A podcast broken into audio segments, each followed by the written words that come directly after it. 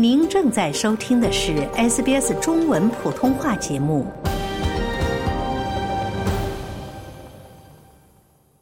龙年的农历新年和元宵节，在澳大利亚的各大社区举办了丰富多彩的庆祝活动。而悉尼西北的 Hills Shrine 准备举办该地区的首次元宵节的活动。下面请听采访。好，我们现在请来的是 The Hills Chinese Association 的主席安娜。你好，打算在元宵节的时候举办一个很隆重的庆祝活动，是不是？啊，是的，像你们这个地区的元宵节的活动，今年是第一次举办呢，还是说已经是举办过几届了？不仅是首次举办，也是我们社团和地方政府联合举办的第一次。我们这山区市长呢叫 Peter 市长，他呢呃多次到我们联谊会来参加我们的活动。他跟我们说，现在就是山区呢，大约有来自这个亚洲国家的居民，大约有占了百分之二十，特别支持我们搞这次活动。二三年的八九月份，我们就开始召集了第一次这个会议，共同商量怎么样搞好这次活动。他们也建立了一个团队，我们呃社团呢也建立一个团队对接，借着这个元宵节呢，丰富一下我们这个山区居民的庆祝中国年的这个这个活动。这个活动呢，主要是请了舞龙舞狮搞灯展，请了二十个摊位亚洲的应节的这个食品。我们负责组织这场这个演出，参加这个演出的呢，就是主要是我们联谊会的风之韵艺术团，我们全体团员都参加了这次活动。大约准备了超过三十个节目，还邀请了其他一些社团。您说的这个风风之韵，风之韵就是我们联谊会下属的这个艺术团。像你们这个艺术团，是不是都是本地的亚裔的居民组成？平常是不是也经常就是会进行一些活动啊、联谊啊等等？我们是每周三呢组织大家活动一次。然后我们的活动内容有，比如说呃合唱团、舞蹈团、模特队、呃腰鼓队、太极队。然后还有乒乓球队，我们活动内容非常丰富，嗯，挺棒的。那参加的都是一些老人家吗？我们这个社团呢，大多数都是来自中国的移民，呃，也有少部分是原来有这个菲律宾的、新加坡的，还有来自台湾的。我们是六十岁以下的占极少数，呃，现在年龄段在这个六十五岁到八十岁以内的占多数，八十岁以上的呢也是极少数。那他们有没有就是跟你表达过，就是每周三有这样的一个活动，给他们的移民生活带来什么样的感觉呀？哎呀，您问的太好！我们这个联谊会呢，成立了十二年，我能坚持做这个会长，其实坚持这么多年，不是我有多大的能力，是因为我们的会员特别好，很热情是吗？他们他们他们就觉得这个联谊会对他们来讲是太重要了。嗯，他说我们移民到这里，尤其是刚来的，这个有语言障碍。所以就是张不开嘴，迈不开腿。呃，有了这个联谊会以后呢，他说我们每周就盼着周三这一天来了，觉着就像过节一样。他们每次来到联谊会，都是你像参加演出的，就是就是这艺术团的一些人，都是穿着节日的盛装一样，特别隆重、特别认真的参加每一次活动。那我相信他们也很认真的在为这个元宵节的活动在排练，是不是？是的，是的，昨天还在加班加点。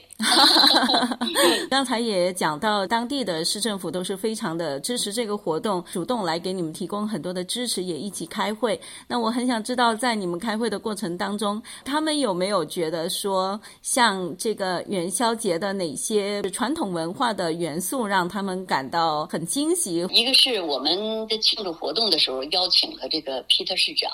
还有他的一些负责社区管理的官员，见着我们有这么丰富的这这这个活动内容，他们也每次都很感动。这元宵节是我们建议的，哎，他们知道，而且知道元宵节要吃元宵啊，吃汤圆儿。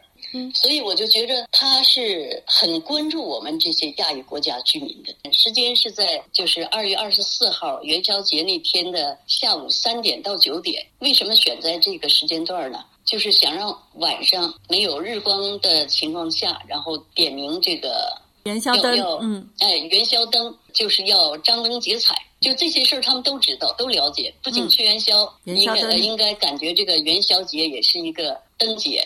在这次的活动中参加的朋友，还可以领到糖画。下面我们来听听受到邀请的糖画制作者田园诗女士的故事。好，现在我们请来的嘉宾呢，是在悉尼做糖画和卡通煎饼的田园诗，来跟我们分享一下最近农历新年她参加的一些活动。你好，田女士。哎。你好，你好。在刚刚过去不久的悉尼唐人街举行的一个庆祝农历新年的活动上面，你的这个糖画和卡通煎饼是受到了大家的热捧，是不是啊？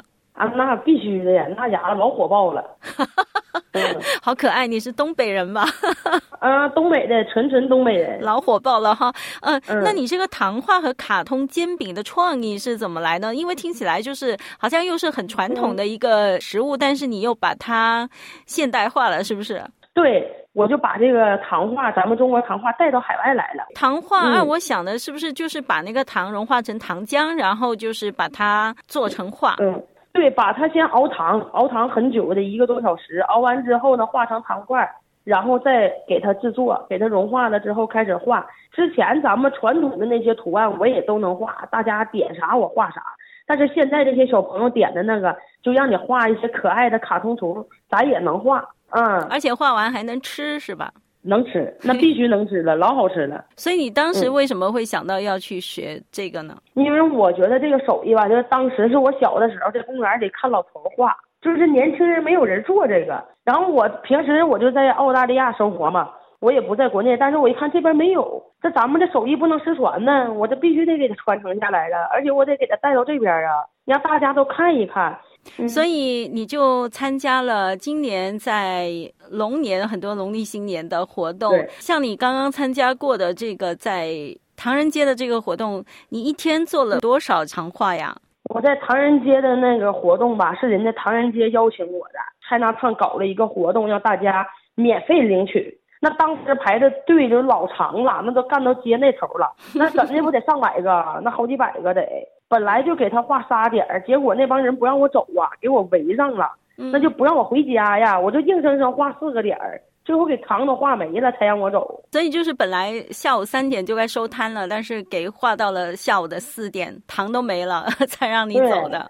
嗯，就是一直画，嗯，大家都很热情，有中国人也有当地人都有嘛，他们没见过。很快你又要去，对对对，元宵节活动。就是咱们西北的 Hillshire Council 邀请我去的，他们是怎么知道你的呀？哎呀，那咱都不知道，就搁微信就加我微信了。然后他说他是在康州工作的，他就说我非常的诚挚的邀请你来呀。那一般你都要准备什么？你要准备多少糖啊？那个糖的话，那一熬那就得五斤，是一锅。那得熬很多锅，那一熬就是最少得熬一个点儿，就这一锅糖。尤其现在天热，现在天热不好整，天一热那糖容易化，它不好熬。嗯，就每天都得准备很多，还有那个糖化的小棒棒糖，都得在家准备的一个四百个那种小棒棒糖。